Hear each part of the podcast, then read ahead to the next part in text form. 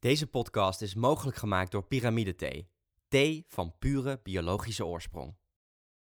Ik ging bij de Schone Klerencampagne werken en eh, eh, mensen vroegen: Sorry, eh, ga je bij een stomerij werken? Of zo?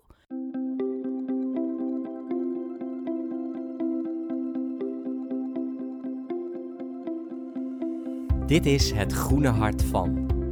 Podcast van Happiness and Growth Thinkers, waarin we op zoek gaan naar het groene hart van onze gasten. Een gesprek met Marieke IJskoot, expert op het gebied van een duurzame lifestyle, spreker, presentator en auteur van het boek Dit is een goede gids. Over het meest fantastische boek dat ze ooit gelezen heeft, wie haar op dit moment het meest inspireert en hoe ze haar duurzame kledingkeuzes maakt. Nou, Marieke, welkom in deze podcast. Dankjewel. Fijn dat je er bent, hier Fijn bij dat de, ik er op de zijn. Happiness redactie. Dank. Het groene hart van, heb je altijd al een groen hart eh, gehad van jongs af aan? Oei, eh, dat ligt er een beetje aan wat je met groen hart bedoelt. Ik denk dat je het vrij breed ziet. Dus dat het bijvoorbeeld ook een rood hart kan zijn als het gaat over hoe het met mensen gaat, Ja. bijvoorbeeld. Ja, ja, ja. Ehm, ja, ik denk wel dat ik. er gaan verhalen over mij die ik me niet meer zelf. Nou, misschien eigenlijk kan ik me ook wel herinneren als ik eerlijk ben. Mijn ouders vertellen dat ik eh, toen ik jong was. Hun rekeningnummer uit mijn hoofd wist. En dan bonnen in de krant ging invullen. om ze bijvoorbeeld lid te maken van Amnesty International en van Greenpeace. Oh, Dat schijn ik echt gedaan te hebben. Lid van Amnesty International zijn ze nog steeds. Gelukkig, dat mijn schuld. ja. Eh, ja, ik was wel bezig met dat soort onderwerpen toen ik jonger was. Ik werd vegetariër op mijn twaalfde, dertiende, iets in die geest. Ah, Dus dat is nu eh, pak een beet eh, 27 jaar geleden, iets in die geest. Omdat ik me echt bezig hield met eh, dierenrechten en bio-industrie en transport en dat soort dingen. Ook omdat ik niet zo erg van vlees hield. Dus dat was voor mij... Dit, dit is niet een enorme concessie. Gewoon niet zo voor mij lekker. was het gewoon niet zo lekker. Nee. Het is niet zo dat je mij enorm blij maakte met een grote pan sudderlappen of zo. Alhoewel mijn moeder dat ongetwijfeld heel lekker maakt voor mensen die het wel heel lekker vinden. Mhm. Was het gewoon, is het niet zo mijn ding. nee. Dus dat heb ik al vrij vroeg opgegeven. Dat was dus eigenlijk voor mij vrij makkelijk. Ja. Eh, maar ja, ik hield me dus wel bezig met dat soort dingen. Er is ook een verhaal over mij dat ik op de eh, middelbare school een mokgroep ging starten. Omdat ik niet meer wilde dat er steeds van die weggooibekertjes en zo waren. Dus dan moest iedereen Ah, zijn eigen mok en dan netjes afwassen één keer per dag. Zo. En dat soort dingen. Dus was wel eigenlijk al met... Met dat soort dingen ging ik dan naar de, naar de baas van de school. Ja. Dus je was eigenlijk al een community eromheen aan het bouwen. Zo een Nou, beetje nou, lokaal. Het, helemaal niet dat je dat doorhebt. Nee, of zo natuurlijk. Maar dat soort dingen vind je dan belangrijk als je jong bent. Maar veel kinderen wilden toch wel op de Rainbow Warrior werken en zo toen ze klein waren. Ja. Toch, Jelle? Toch? Ik niet. toch? Ik Oh, totaal niet nee, nog. niet. Nee, was daar nog helemaal niet... nee. Vorige keer toen we samen aan tafel zaten, zaten we bij eh Luciel. Hè, bij Vijf Uur Live. Oh Luciel ja, Werner. ja, precies. Ik moest even nadenken wanneer de laat. Ja, zeker weten. Ja, Ging gezellig. het, ging het ook over eh, minimalisme? Ja, dat was heel gezellig, absoluut. Met Dan Carity eh, tegenover ons. Ja, En Leuk, ook over ja. minimalisme ging het. Zeker. Heb jij Ja. flink opgeruimd in je leven? Oh, absoluut. Zeker Ja? weten. Ja, ik hou altijd heel erg van eh, weinig. Ja. En ik kan me de laatste verhuizing herinneren, zeven jaar geleden. Waarin er echt eh, alles bij elkaar 15 vuilniszakken papier bijvoorbeeld weggingen. Eh, Ja. col- college-aantekeningen, dat soort dingen. Heel fijn om dat weg te doen. En wij moeten eind van dit jaar weer verhuizen, omdat onze woning gerenoveerd wordt. En ik verheug me ontzettend op dat moment. Oh. Om weer echt eh, eh, de stappen die je in de jaren daarna toch hebt gezet in het verzamelen van dingen. Om daar weer echt de, de, een beetje de puurheid in te vinden. Ja, ja. Ontzettend zin in. Ja, verhuizing is daar perfect voor. Fantastisch. Ja, Ja. echt weer wat, eh, wat heb ik nu en wat gaat er nu En mee? wat gaat er mee? Dat moment? Ja. Heerlijk. Heb je ook naar eh, extreme, of nee, van nou, emotion, nee, emotionele spullen gekeken? Van wat, waar herinneringen aan vastzitten? Er zullen zeker bepaalde boeken zijn, bijvoorbeeld, waar ik mooie herinneringen aan heb. Ik vind ook dat ik nu nog steeds, terwijl ik bij de vorige verhuizing al veel boeken heb weggedaan, dat ik nog steeds te veel boeken heb die ik niet lees meer. Eh, maar bepaalde boeken met herinneringen zal ik ook graag herlezen.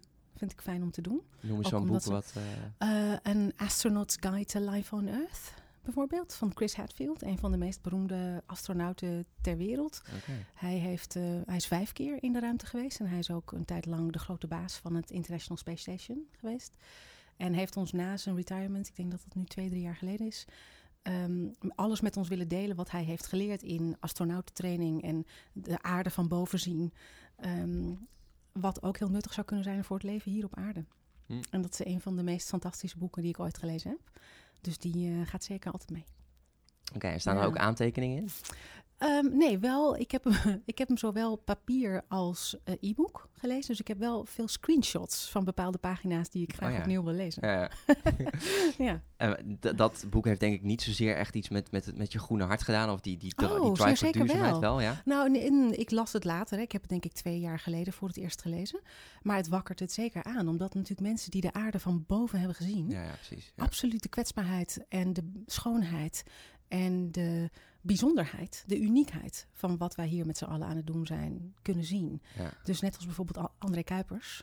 Ja. Ehm, en natuurlijk ook, nou ja, zo zijn er gewoon heel veel eh, grote bekende astronauten die zich vervolgens- met Nou, zijn eh, speech. ieder- hè, voor, die eh, zich in gaan zetten voor een, een duurzamer leven. Ja. Dus ik, ik denk zeker dat eh, de combinatie tussen space en groen er heel erg is. ja, Ik voel die in elk geval, absoluut. ja. Dat zag je ook bij Wubbe Okkels. Hè, Tuurlijk. vlak dat hij kwam te overlijden. Dat hij eigenlijk misschien wel nog net... eh, dat hij nog iets meer had gezien of nog iets meer had ervaren, gevoeld dan wij. Oh. Is er, nog, is er nog iets van een documentaire of een boek wat jou echt, wat die drive bij jou nog sterker heeft gemaakt om hiervoor te gaan? Ehm, Voor duurzamer eh, leven? Ik denk, ik ben er natuurlijk al best een tijdje mee bezig. Inmiddels al meer dan 15 jaar dat ik hier ook echt in werk. Ehm, dus ik denk dat het voor mij eerder vaak bevestiging is dan dat ik iets zie waarvan ik denk: oh jee, maar nu moet ik hier echt mee aan de slag. Ja. Ik wil, ik, het is helemaal niet zo dat ik alles al weet, maar het is voor mij wel anders omdat ik er al natuurlijk een tijd mee bezig Ja, ben. ja. Dus het is dan meer eh, inderdaad aanwakkeren dan bijvoorbeeld ehm, weer helemaal. Denk, er zijn bijvoorbeeld best mensen die nog niet zoveel van de manier waarop de kledingindustrie in elkaar zit weten. En dan de true cost zien en denken: jemig, wat natuurlijk fantastisch is. Mhm. Dat is echt eh, een ongelooflijk belang, denk ik, van zoiets maken. Ja. En dan zo'n impact hebben op mensen. Dat is ongekend. Dat is Ja. fantastisch. Dat had ik natuurlijk niet toen ik dat keek. Want ik, heb, ik ben er zelf geweest en ik heb dat meegemaakt. Ja. Ehm, dus ik denk dat het voor mij meer dat soort boeken en documenten zijn van buiten. Eh, specifiek de duurzame mode of lifestyle wereld. Die mij er weer op een andere manier naar doen kijken. Wat Ja. ik heel interessant en, en belangrijk vind. Zoals eh, dan bijvoorbeeld astronauten in dit Ja, geval. ja, ja, Ja. ja. Eh, heb je ook wel eens last van eh ecorexia, Marike? Vroeg me nog laatst af. N- Nee, dat denk ik niet. Nee? Nee, nee. Nooit van zoiets van ja, ik kan nooit genoeg doen om. Nee, daar nee? heb ik echt absoluut geen last van. En hoe doe je Nee. dat dan?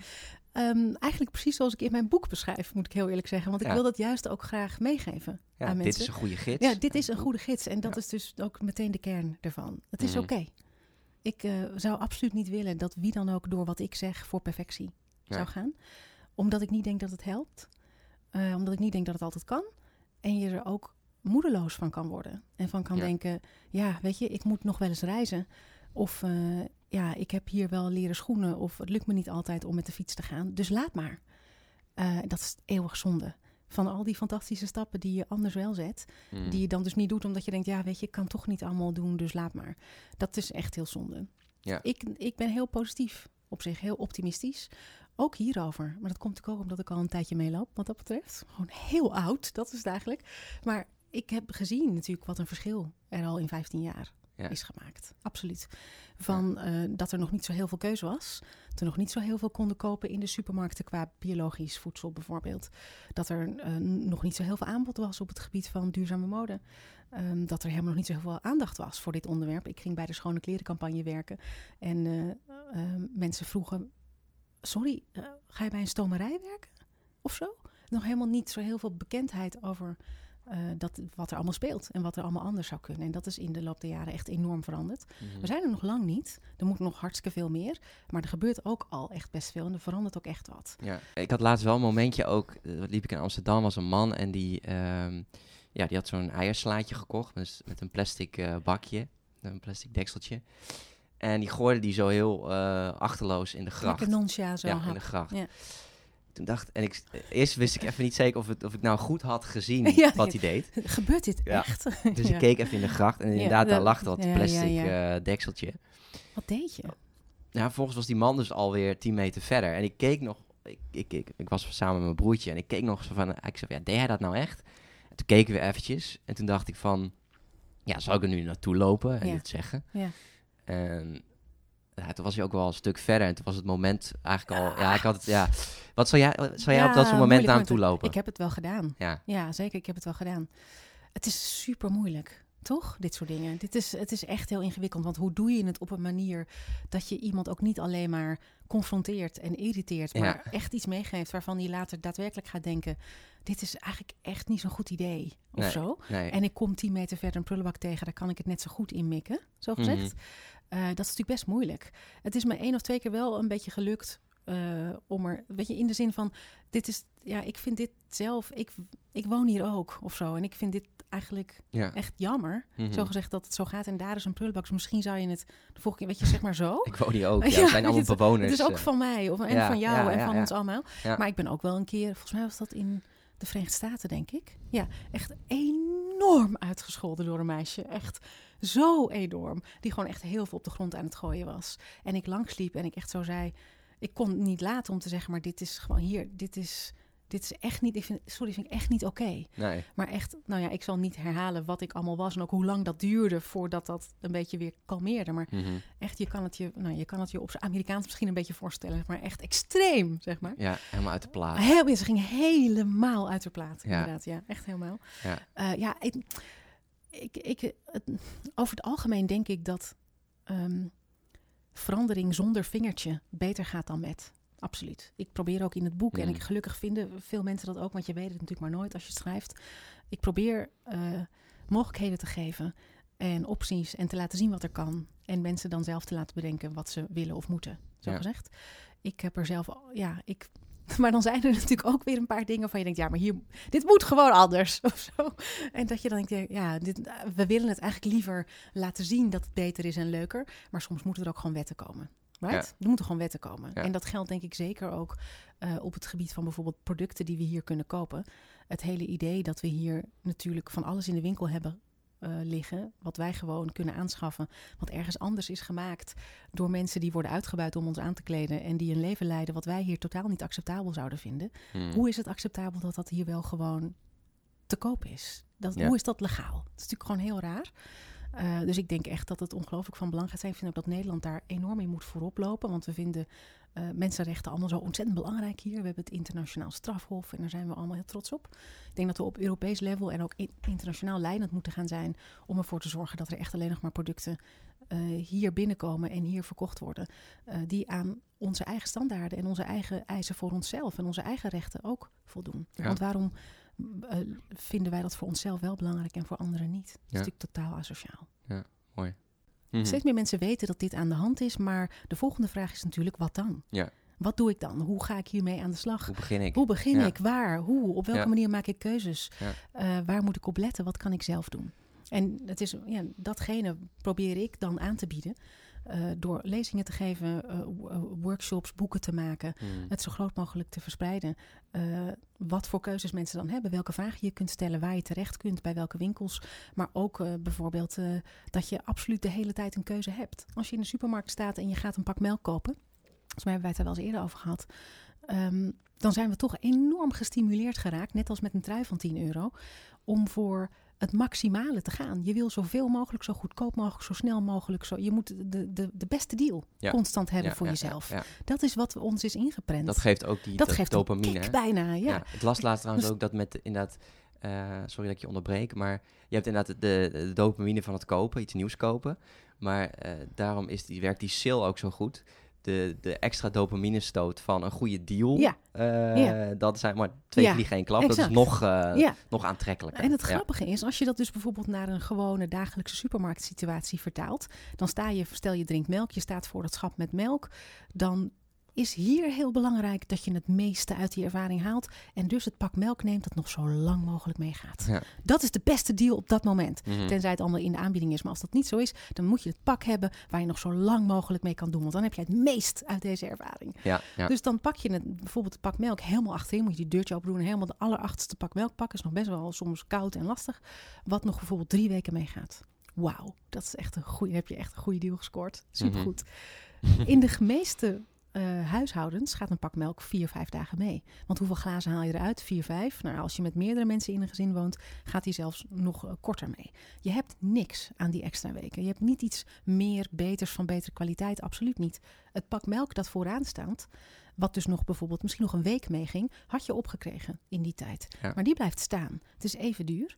Uiteindelijk wordt die niet verkocht, wordt die weggegooid. Mhm. Een derde van het voedsel wat wij wereldwijd produceren wordt al weggegooid voordat het ons bord bereikt. Ja. Dus dat, je had een fantastische daad kunnen doen. Waar, waar je exact hetzelfde uithaalde, wat hetzelfde kostte, wat makkelijker was, in ieder geval in beweging. ehm, door het pak melk te kiezen, wat gewoon weg moest in de tijd dat jij het opdronk. Ja. Dus hier hebben we niks extra's voor onszelf gehaald, maar wel bijgedragen aan mogelijke voedselverspilling. Ja. Dus die hele drive om ergens het maximale uit te halen, zorgt er vaak ook wel voor dat we niet eens zo heel veel meer hebben, maar wel ja, veel meer veroorzaken wat we eigenlijk niet eens zo doorhebben of niet willen. Ja. Ja. Hij heeft echt een mooi, mooi voorbeeld van eh, ook de mindset die moet veranderen. Hè? Ja. Inderdaad, eh, dat veel meer. Ook dat, dat, ook dat is weer van zoveel mogelijk kopen voor een zo goed mogelijke prijs. Verder, I don't care hoe het, hoe het whatever. gemaakt is. En, Ja. en veel meer naar, oké, dat wat ik koop, maar ook van hoe kan ik dat, bijvoorbeeld een product wat ik gebruik of wat ik koop, hoe kan ik dat weer terug in Ja. het ecosysteem Ja. Krijgen? precies. Eh, of hoe kan ik, eh, hoe kan een laptop helemaal open source zijn? Ja. Dat als ik, als, als ik zie dat die stuk is, dat ik ook zie waar het aan ligt en dat ik En dat kan deeltje, precies, dat soort dingen. Precies, Dat is echt een over. mindset change. Ja. Ja. Heel erg. En ook denk ik dat we ons en misschien eens goed moeten gaan bedenken of we er wel zo ontzettend blij van worden. Ja. Want is het zo dat inderdaad zoveel mogelijk kopen voor zo'n laag mogelijke prijs, wat bijvoorbeeld in het ge- geval van kleding, laten we daar dan maar even bij blijven, Ja. een overvolle kledingkast oplevert met vaak net niet spullen. Eh, shirtjes die je misschien beter in S had kunnen kopen, maar ja, dat was er niet meer. Dus doe toch maar M, want het is heel goedkoop. Volgens draag je ze niet, want het zit gewoon niet goed. Ja. Of ja, dit truitje vind ik echt heel leuk, maar paars staat me niet zo heel goed. Maar ja, het is er alleen nog maar in paars en het is in de sale, dus ik neem het toch maar. Ja. Of dit jasje staat op dat model echt fantastisch goed, maar ik lijk eigenlijk gewoon niet zo op dat model, als ik heel eerlijk ben. Dus, maar ik neem het toch, want het is in de sale. En weet je, zo heb je dus zo'n enorme stapel net niet kleren. Je weet nog steeds niet wat je aan moet. Terwijl als je een paar goed gekozen stuks zou hebben, die precies in jouw stijl zijn, die je goed met elkaar kan combineren, word je daar echt blijer van. Het scheelt je tijd, het scheelt je nou ja, eh, on- onvrede en eh, overleg in je relatie en dat soort dingen. Alle, allerlei dingen, zo gezegd. Kwaliteit boven kwantiteit, hè? daar Ja. gaat het gewoon Ja. eigenlijk om. Ja. Mensen vragen me wel eens, wat is je, ja, je grote tip? Ehm, dan zeg ik nou, als je je daaraan houdt, hoef je het hele boek niet te kopen, niet meer naar me te luisteren. Dan eigenlijk ga je dan vaak best goed. Want dat geldt natuurlijk voor eten ook. Kwaliteit boven kwantiteit. Het geldt eigenlijk ook voor reizen, voor relaties. Voor, nou ja, goed, waar je maar. Het is echt iets, denk ik, waar je veel aan kunt hebben. Als Ja. je voor jezelf een beetje weet ehm, wat je belangrijk vindt Ja. en waar je van houdt. Op welke vlakken leef jij nou wel heel duurzaam en welke niet? Ik, er zijn natuurlijk zat dingen die ik veel beter zou moeten doen. Ik bedoel, je zit zeker niet tegenover een heilige. Absoluut niet. En ik denk Nee. ook niet dat dat belangrijk is om daarnaar te We hebben allemaal ook een stille zonde. Te, oh, eh, natuurlijk. ja. En soms ook helemaal die niet zo heel stil zijn. Ik heb op op veel plekken gezegd dat ik over het algemeen eh, een minuut of wat te lang douche per dag. Bijvoorbeeld. Dat zou echt beter zijn als ik vijf minuten douchte. Ja. Het is echt een van die dingen die. die- Ik, wil niet, ik ga, sta echt niet elke dag een half uur onder de douche, hè? helemaal niet. Maar vijf haal ik meestal niet, acht, weet je, zoiets dergelijks. Het zou me natuurlijk tijd en geld schelen, maar het levert me ook wat op. Ik krijg vaak goede ideeën onder de douche. Ja. Ehm, mijn lichaam voelt ook goed als ik onder de douche ben geweest en mijn, mijn, mijn hoofd ook. Ja. Dus het is niet dat ik het maar doe omdat ik denk, ja, kan mij het schelen. Ik, het is wel echt iets waar ik wat uithaal. Ja. Maar het zou beter zijn als ik dat gewoon een paar keer per week deed. Nieuwe ideeën, ja. ja het Ja, levert het ook weer wat op. Ja. Het, levert wel, het levert me vaak echt wat op. Het is eigenlijk ook, ook oh, eco-positief. Als je het zo wat... eh, het is, eh, douchen kan voor jou ook eh, net dat lampje doen branden... waarvoor jij ineens een, nieuw idee Maar hebt. het gebeurt natuurlijk niet dagelijks, Jelle. Laten we dat gewoon eerlijk Nee, zeggen. Dat is niet zo. Ik ben, Nee. zo, ik ben echt absoluut geen, geen, geen lampje genie Willy Wortel persoon. Dus dat, dat is zeker iets waar het beter kan. Ik rijd geen auto. Ik heb ook geen rijbewijs. Dus dat helpt. Ik eet geen vlees. Ik probeer zo weinig mogelijk zuivel te eten. Ehm, en zorg ervoor dat er in ieder geval één, liefst twee maaltijden per dag vegan eh, zijn. Mhm. Ehm, dus dat is, dat is denk ik oké. Ik, ik heb geleerd in de, in de loop der jaren natuurlijk eh, anders naar kleding te kijken en mijn kleren met zorg te kiezen. Ja. Kledingstukken te kiezen die ik echt wil dragen. Mhm. Niet die ik leuk vind om te kopen, die ik echt ga dragen. Ja. Ehm, en ik, ja, ik probeer ehm, met, een, met een open blik te kijken. Ik, uh, ik kan soms best oordelend zijn. Vooral ook naar mezelf. ja, ja. Ik ben best wel streng. Zeker ook naar mezelf. Ik vind natuurlijk ook dat ik het wel zo goed mogelijk moet doen op het gebied van sustainability. Want wie gaat me anders geloven? Het is niet zo geloofwaardig als ik Practice het preach. Ja, ja, terecht. En je moet het ook laten zien. En ik wil ook graag laten zien hoe leuk het kan zijn. Dat je er leuk uit kunt zien. Dat je een leuk leven kan leiden. Dat je niet uh, een of ander uh, nou ja, krakkemikkig leventje hoeft te hebben. Nee. Dus dat vind ik ook leuk om te doen. Dat vind ik ook uitdagend. Tegelijkertijd probeer ik dan niet al te streng te zijn en niet te vinden dat ik perfect moet zijn, want dat is ook wat ik preach. Dat dat niet per se helpt altijd en je niet altijd verder brengt. En wat echt een, een van de meest bijzondere dingen is die ik ooit heb mogen meemaken in mijn leven, is dat je natuurlijk als je een boek uitbrengt, reacties krijgt van mensen daarop. Heel eervol. Hm. Er zijn mensen die berichtjes sturen, of het op social media is of een e-mail. Die zeggen: Je hebt echt veel invloed gehad op mijn leven. Ik maak hele andere keuzes. Ik vind het veel leuker. Ik heb veel meer mogelijkheden. En ik, ja, heel erg dankjewel. Hm. Nou, jeetje, Mina. Dat is. Ja, ja, ja dat is een bewijs. voor.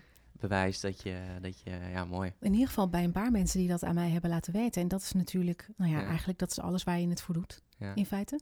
En dat ik dat heb mogen doen in dit leven vind ik echt, uh, echt heel eervol. Serieus. Ja. Iets waar je uh, ja, aan het einde van de rit aan zult denken. Vast. Ik heb anderen geïnspireerd om... Uh... Aan deze specifieke mensen die mij dat ook hebben laten weten. Ja. Wat dus ook alweer laat zien hoe groot de impact kan zijn als je iemand is, iets vertelt. Ja, of dus als je nu luistert... Een compliment geeft. Of dat kan mensen echt heel lang bijblijven. En ook veel impact hebben op, op het leven. Ja. Kleine voor, voor jij die nu luistert, als iemand je geïnspireerd heeft, laat het hem of haar weten. Ja, dat is denk ik een. Uh, ik moet dan meteen denken aan een, uh, aan een oud leraar van mij. Die, uh, ik heb toen op een gegeven moment in uh, het boek The Artist Way heb ik een soort oefening gemaakt van nou, wie zijn op creatief gebied jouw kampioenen in je leven. En hij was, ik heb de toneel, toneelschool gedaan, in 2007 ben ik afgestudeerd, nu al tien jaar geleden. En hij gaf mij op dat moment, ja, gaf me een compliment naar een voorstelling. En dat had mij heel veel gedaan. Ja. Uh, je hebt natuurlijk vooral ook als creatieve, heb je ook veel vertrouwen nodig van andere mensen. Vooral mensen die dichtbij staan, van jij kunt dit en ik geloof in jou. Dat gaan, dan, dan ga je ervoor. En ik heb het op, op een gegeven moment aan hem laten weten dat ik dus die oefening had gedaan. En ja, volgens mij een maand, een maand of twee maanden later was hij overleden. En toen was ik zo blij dat ik dat tegen hem gezegd had. Want uh, anders was het te laat geweest. Dus als je iemand hebt, hè, ook uh, iemand die je misschien geïnspireerd heeft om bepaalde stappen te zetten, vertel het. Want ik denk dat dat, uh, ja, dat iemand het, het, recht ook heeft om dat te weten. Ja, mooi.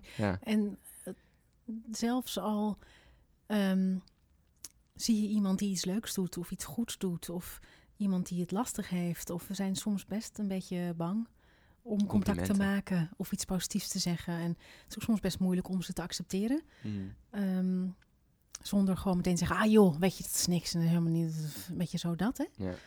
Ja, gewoon lief lachen en dankjewel zeggen is soms ook oké. Of ik weet niet. Ik heb er, ik heb het laatste hoofdstuk van mijn boek gaat eigenlijk helemaal over hoe we met elkaar omgaan en over gelijke rechten, maar ook over vriendschappen en weggeven. En we hebben zoveel te geven. Right? We hebben zoveel te geven. Of het mm. nou al die boeken zijn die je nog thuis hebt, of inderdaad zo nu en dan eens een aardig iets om te zeggen. Weet je, jij deed dat en ik vond dat gewoon echt heel tof. Weet je, zo dat. Ja. Dat soort dingen, ja, dat maken het leven, maakt het leven gewoon wel echt heel anders. Als ik zeg succesvol en duurzaam, aan wie denk jij dan? Oei, oh, ik denk, de, ja, er springen meteen best veel mensen in mijn hoofd. Uh, veel, vooral vrouwen bedenk ik me nu ook ja. ineens. De eerste aan wie ik moet denken is Olivia Firth, de vrouw van Colin Firth. En de oprichter dus van de Green uh, Carpet Challenge. Zij laat zien dat sustainable fashion ook iets heel anders kan zijn dan sommige mensen misschien denken. Dus echt heel erg high-end en ook grote ontwerpers weet ze daarbij te betrekken. Maar wat ik vooral echt te gek vind aan haar is dat ze enorm durft. Ze durft echt heel erg de mening te geven. Ehm, en dat is soms best moeilijk in deze samenleving, waarin, zeker als je veel volgers hebt, ehm, dus voor zo iemand als zij, iedereen springt er bovenop. Soms worden dingen uit hun verband gerukt. Misschien begrijpen mensen je verkeerd. Je krijgt heel veel commentaar. Ik vind dat heel knap als mensen heel uitgesproken durven te zijn. Dus ik ben ook in het jaar wel begonnen met te posten over eh, equal pay en over feminisme en dat soort dingen allemaal. Daar heeft zij mij zeker onder andere in geïnspireerd. Ja, dat vind ja. ik echt te gek. Staan voor je idealen eigenlijk. Staan voor je idealen. Catherine Hamnett is nog zo iemand die dat ook heel erg doet. Ja. Zij is een van de grote voorlopers van voornamelijk biologisch katoen, bijvoorbeeld in de kledingwereld. Zij was een heel bekende kledingontwerper in de jaren tachtig. Eh, als je bijvoorbeeld wel eens een clip van Wham hebt gezien, eh, met van die witte shirts met grote spreuken erop. Hm. Eh, dat was zij. Zij is degene ja. die eigenlijk de, de, een quote op een t-shirt heel groot heeft gemaakt. Dus we zijn daar allemaal, denk ik, hebben we haar, ehm, hoe noem je dat, legacy eigenlijk heel vaak aan. Iedereen die met een spreuk t-shirt eh, draagt, dat komt een beetje bij haar vandaan. Maar zij was ook een van de eerste die echt onderzoek ging doen naar hoe de kledingindustrie eigenlijk in elkaar zit. En hoe bijvoorbeeld haar kleding dan werd gemaakt. En is dat helemaal anders gaan doen. En dat was al heel vroeg. In de jaren 80, 90 was er nog helemaal niet zoveel biokatoen bijvoorbeeld. Was er nog niet zoveel bekend over die ketens. Ze is ook bijna failliet gegaan daar, daardoor, omdat ze het allemaal anders wilde doen. Eh, en ze heeft een enorme impact gehad ehm, op de kledingindustrie. En ook op ja, hoe fashionable en hoe tof dat kan zijn. Want die shirts die zijn bijvoorbeeld natuurlijk geweldig. Maar zij heeft ook een eigen kledinglijn eh, die heel speciaal is. Zij is ook een grote voorvechter van eh, wetten. Dat dit echt eens een keer wettelijk geregeld moet worden. Daar is ze ook heel vocal over. Ik zag haar laatst, ik mocht haar ook interviewen, te gek. En zij is nu 70. Ik wil zo zijn als ik 70 ben. Hm. Echt waar. Heel fel uitgesproken. Ook vragen stellen. Heel open. Heel cool. Ja. Echt heel cool. Ja. Vrouw, heb je nog een man? Succesvolle, duurzame man? Ehm, vast, ja, natuurlijk. De, eh, Bruno, Bruno Pieters. Bruno Pieters. Zo'n grote held. Ja. Ja. echt. Er is niemand op de wereld die zo heel goed laat zien hoe de kledingindustrie in elkaar zit. Want je, ja, veel merken, eigenlijk bijna, laten we zeggen 99%, durft niet open te zijn over waar ze produceren en hoe die keten helemaal in elkaar zit. Voor allerlei angsten. Dat mensen kunnen zien hoeveel winst ze eigenlijk maken per kledingstuk. Maar ook waar ze precies produceren, zodat mensen dat kunnen checken. Hm. Hij doet dat allemaal wel. Hij breekt dat volledig open en laat echt van elk naadje en elke rits exact zien wie het heeft gemaakt, waar het is gemaakt, hoe lang dat duurde, wat dat kostte. En dus ook de hele markup uiteindelijk aan het eind, waarin je dus ook kan zien wat hij verdient per kledingstuk. Hij laat dat allemaal zien. Dus als je iets wil weten over hoe de kledingindustrie in elkaar zit, ga dan naar zijn site en klik een kledingstuk aan. Het, la- het legt je precies uit hoe het werkt. Het is echt heel bijzonder. Mooie inspiratie voor die grote ketens. Fantastisch. Ja. Ehm, ja, eigenlijk de laatste vraag. Moet er nog iets van jouw groene hart af? Is er nog iets wat je de luisteraar zou willen vertellen? Ga ervoor. Ik denk dat het het allerbelangrijkste is dat je ziet hoeveel leuker het kan zijn. Weet je, als we constant dezelfde paden bewandelen en dezelfde winkeldeuren openen, het is misschien soms een beetje saai. Terwijl als er allerlei andere merken, winkels, mogelijkheden, ruilen, delen, ehm, andere smaken, eh, andere recepten, nieuwe mensen die inspirerende dingen doen. Wauw, weet je, er is zoveel. Dus open die deur. Ga ervoor. Ja, Mooi. Dankjewel, Marieke. Fijn gesprek. insgelijks. Dit was het Groene Hart van Marieke IJskoot. Ben je benieuwd naar alle links van dingen die we hebben besproken in de podcast? Ga dan naar happiness.nl slash het groene hart. Happiness.nl met een z slash het groene hart. Deze podcast is mogelijk gemaakt door Pyramide Thee. Thee van pure biologische oorsprong.